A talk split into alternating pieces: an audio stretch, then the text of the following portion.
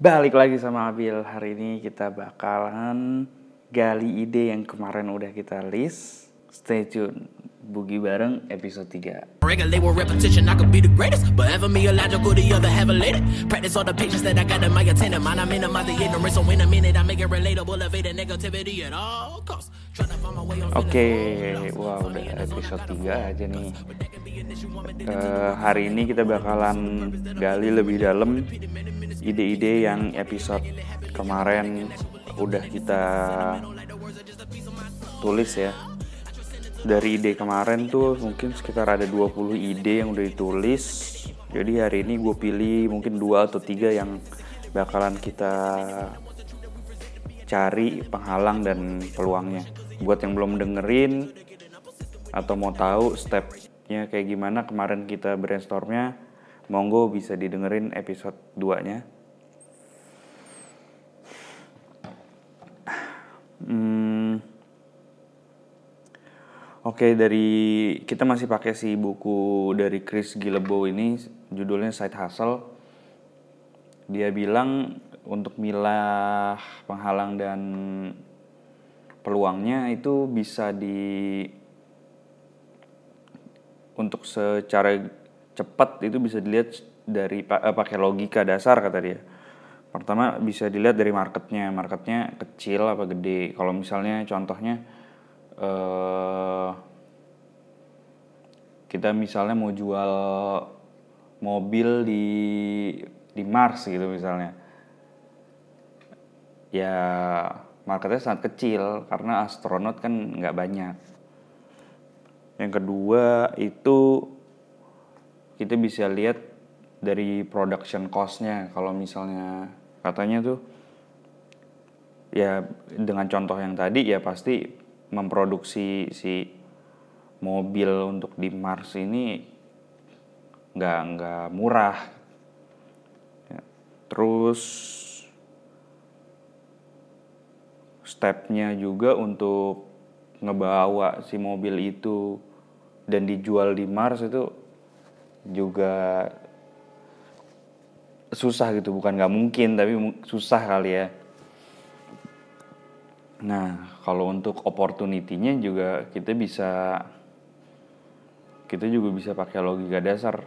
Eh, sebenarnya produk yang akan kita tawarin ini sebenarnya buat ke siapa dan kenapa mereka mau beli atau mereka butuh. Nah, eh, ada ada sebenarnya ada tipsnya atau ada hint sedikit itu katanya kalau misalnya sebenarnya customer ideal kalian tuh terkadang atau iya terkadang itu kalian sendiri atau kita sendiri gitu. Iya sebenarnya bener juga sih kayak kemarin kan kita brainstorm ada satu idenya kan sweatshirt. Gue mau jualan sweatshirt tapi ya gue juga suka sweatshirt gitu jadi mungkin ini bisa jadi hint juga buat buat kita ini milih-milih penghalang dan peluangnya nih nah eh, dia juga bilang sedikit research juga penting. Karena kan pasti kita juga butuh tahu misalnya berapa sih eh, secara garis besar tadi production cost-nya. Nah itu kan harus di res- research tuh.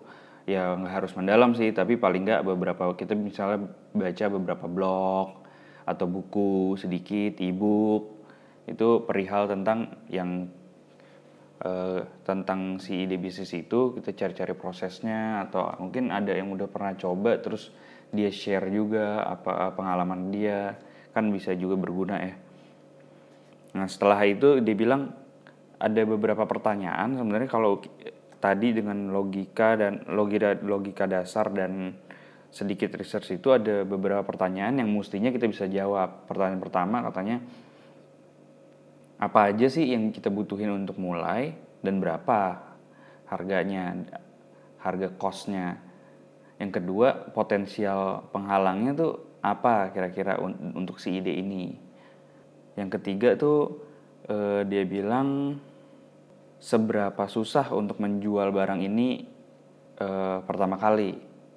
Yang keempat itu udah ada nggak orang yang ngelakuin ini Yang kelima dia bilang jika semuanya berjalan mulus, base case-nya apa? Dan juga pertanyaan ter terakhir, kalau semuanya nggak berjalan mulus, worst case-nya apa? Wah seru juga nih. Dia kasih contoh sih, dia dia kasih contoh katanya. Ada satu ide bisnis katanya menolong fotografer untuk memproses fotonya. Penghalangnya itu memproses foto tuh butuh keahlian. Terus juga penghalangnya itu nggak tiap saat ada seasonal aja gitu. Setiap cuman pas ada wedding aja. Cuman peluangnya itu marketnya pasti selalu ada. Ya walaupun seasonal tapi pasti ada. Nah terus peluangnya juga fotografer-fotografer yang handal ini kadang-kadang mereka iya fotografer-fotografer yang handal ini biasanya tuh udah ke booking terus dan bayarannya oke okay. kemungkinan mereka bisa bayar kita untuk bantuin mereka proses fotonya nih nah sekarang gimana kita untuk ngegali ide kita ini nih Oke, kalau itu kan pertanyaan yang tadi itu ada tuh kita harus paling nggak kita jawab deh tuh pertanyaan yang yang tadi tuh. Nah, kan kalau di t-shirt ini eh tadi kan ada pertanyaan tuh beberapa tuh. Pertama yang yang mau coba dijawab tuh misalnya eh, butuh apa nih kita buat jalan? Yang pasti kita kan butuh desain. Desain dan uh, uang. Apakah uang butuh? Itu pertanyaan juga sih. Dan kalau butuh uang berapa? Setelah gue research research dan untuk menjawab pertanyaan yang ini nih dia bilang kan potensi yang paling kelihatan apa nih yang di depan. Yang pasti kalau menurut gua eh kok potensi sih? Apa penghalangnya itu kalau nyablon setahu gua. Karena gua beberapa kali pernah nyablon sih. Eh, maksudnya gue pernah buka gue pernah bikin usaha kaos yang layu sebelum berkembang. Dan itu kalau dilihat patternnya ya karena gue kurang gigi sih pertama juga.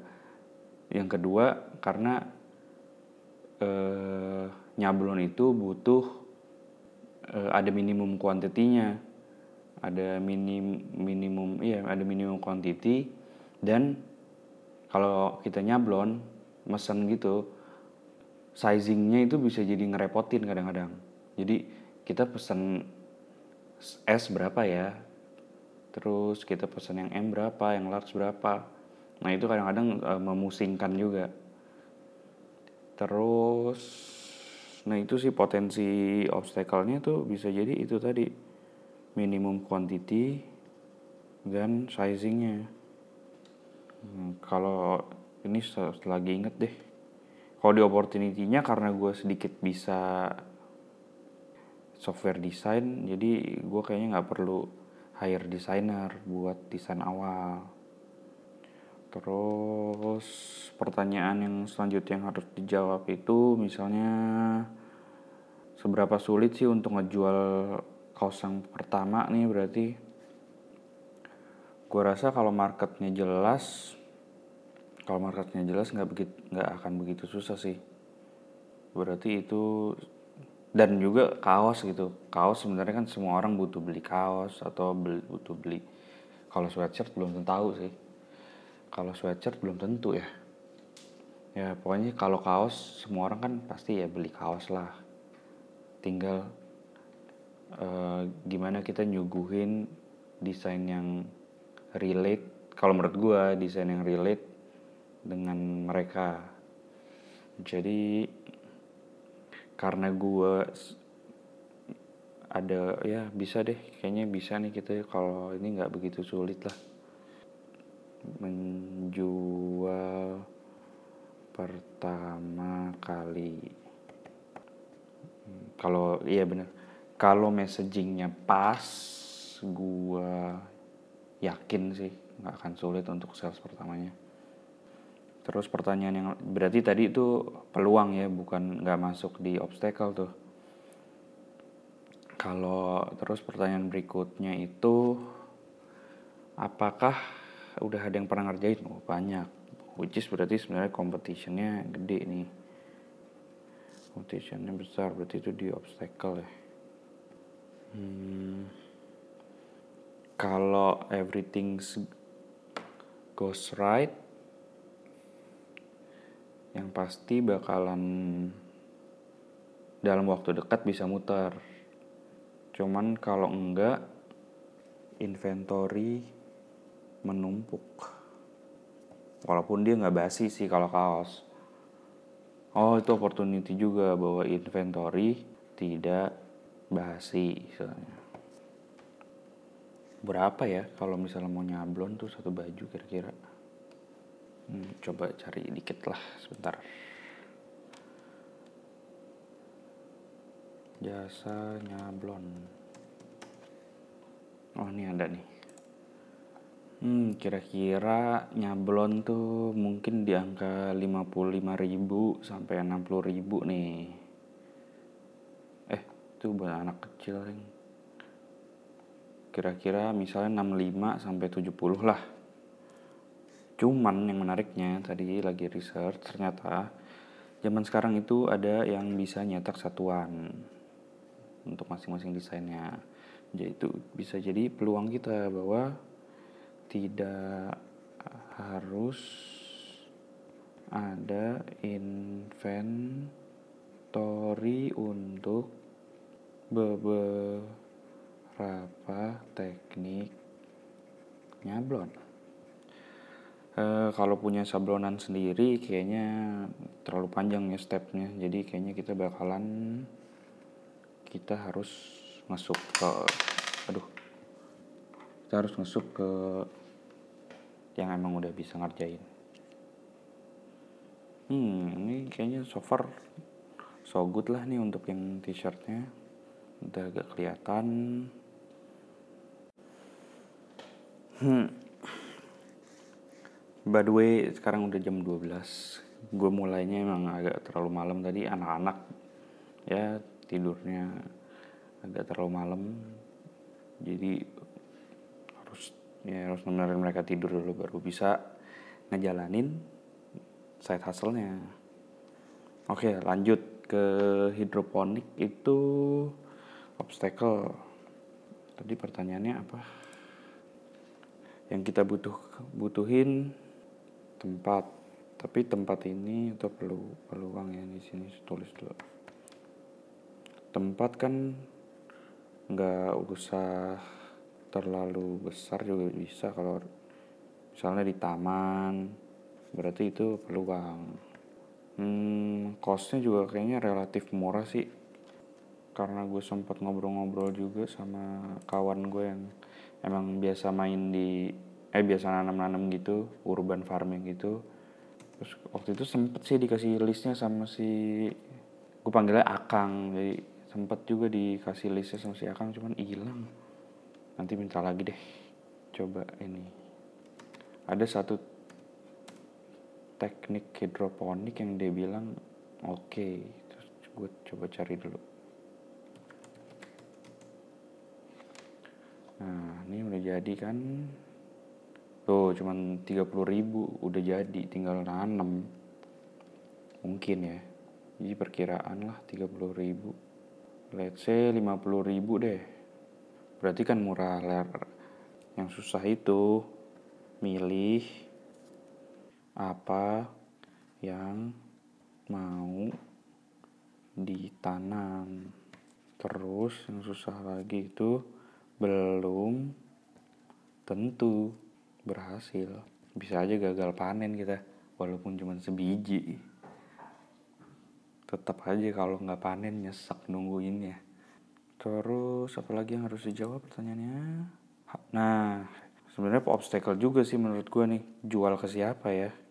Karena nggak ada nggak ada bayangan sih harus dijual ke mana kalau dengan kuantitas yang kecil kayak gini. Misalnya cuman ada tadi kan 50 ribu misalnya kita beli 4 deh terus panen semua.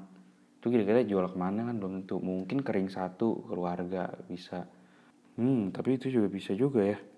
Kalau misalnya kita nanam tomat kayak pasti ini bisa berarti ini dua dua sisi dua mata pisau. Benar dua mata pisau. Jual ke siapa bisa juga tapi gampang. Kalau sedikit berarti gampang nih bisa dijual ke keluarga atau ring satu. Kalau kita punya banyak yang kuantitasnya mungkin setengah-setengah yang belum bisa dimasuk yang belum bisa diambil ke mungkin ditaruh di supermarket supermarket. Nah itu tuh yang bingung. Karena gue pernah lihat tuh di pasar ada yang jual organik organik gitu sepi. Kon mungkin tokonya sepi tapi orderan lancar ya mudah-mudahan ya. Hmm kalau pertanyaannya udah ada yang pernah ngelakuin ya udah ada pasti udah banyak cuman opportunity-nya permintaan juga banyak sebenarnya permintaan gak habis-habis malah kalau everything goes right ya kita bisa mungkin karena kan kalau hidroponik kayaknya bisa lebih dikontrol ya ininya lingkungannya jadi kalau ini berhasil, diduplikasinya lebih gampang. Kita duplikasinya tinggal cering cering cering cering cering gitu. Kalau tapi kalau nah ini kalau gagal itu yang paling berharga itu kita kehilangan waktu sih kalau gagal. Dinunggu. Hmm, oke. Okay. Ini kira-kira udah berapa menit nih? Setengah jam? Udah belum nih? Kayaknya udah deh jadi gitu aja sesi kita buat milah-milah apa penghalang dan peluang hmm, kayaknya mungkin besok ya gue akan ini akan gue baca dulu apa coba lihat-lihat mungkin ditambah-tambahin atau ada yang ada yang kelewat sekali bacalah mungkin bisa ada ide-ide cemerlang lagi yang yang keluar dari setelah baca ini. Oh ya di bukunya bilang tuh dia bilang ide itu ada dua tuh. Ada ide starter sama ide yang next level. Misalnya nih ide yang starter misalnya bawa mobil di transport online itu itu kan jadinya sebenarnya itu ini juga freelance juga kan apa bisa jadi uang sampingan cuman itu berdasarkan waktu ya waktu kita habis atau penghasilan itu berdasarkan waktu. Nah, kita kan maunya kan penghasilan yang didapat tidak berdasarkan waktu. Jadi next level dari ide tadi nge, nge online itu mungkin kita bisa misalnya kita tuh jago nyupirnya aman, enak. Banyak orang yang juga bilang kita bagus gitu kalau nyupir. Nah, kita bisa bikin pelatihan buat si supir-supir ini apa supir-supir online ini. Oke gitu aja sih dari gue untuk episode kali ini. Semoga kalian e, bisa pilih-pilih pilah-pilahnya nih. Episode depan kita bakalan lihat dari ide-ide yang udah kita kumpulin itu berapa sih peluang profitnya. Gitu aja dari gue. Selamat malam.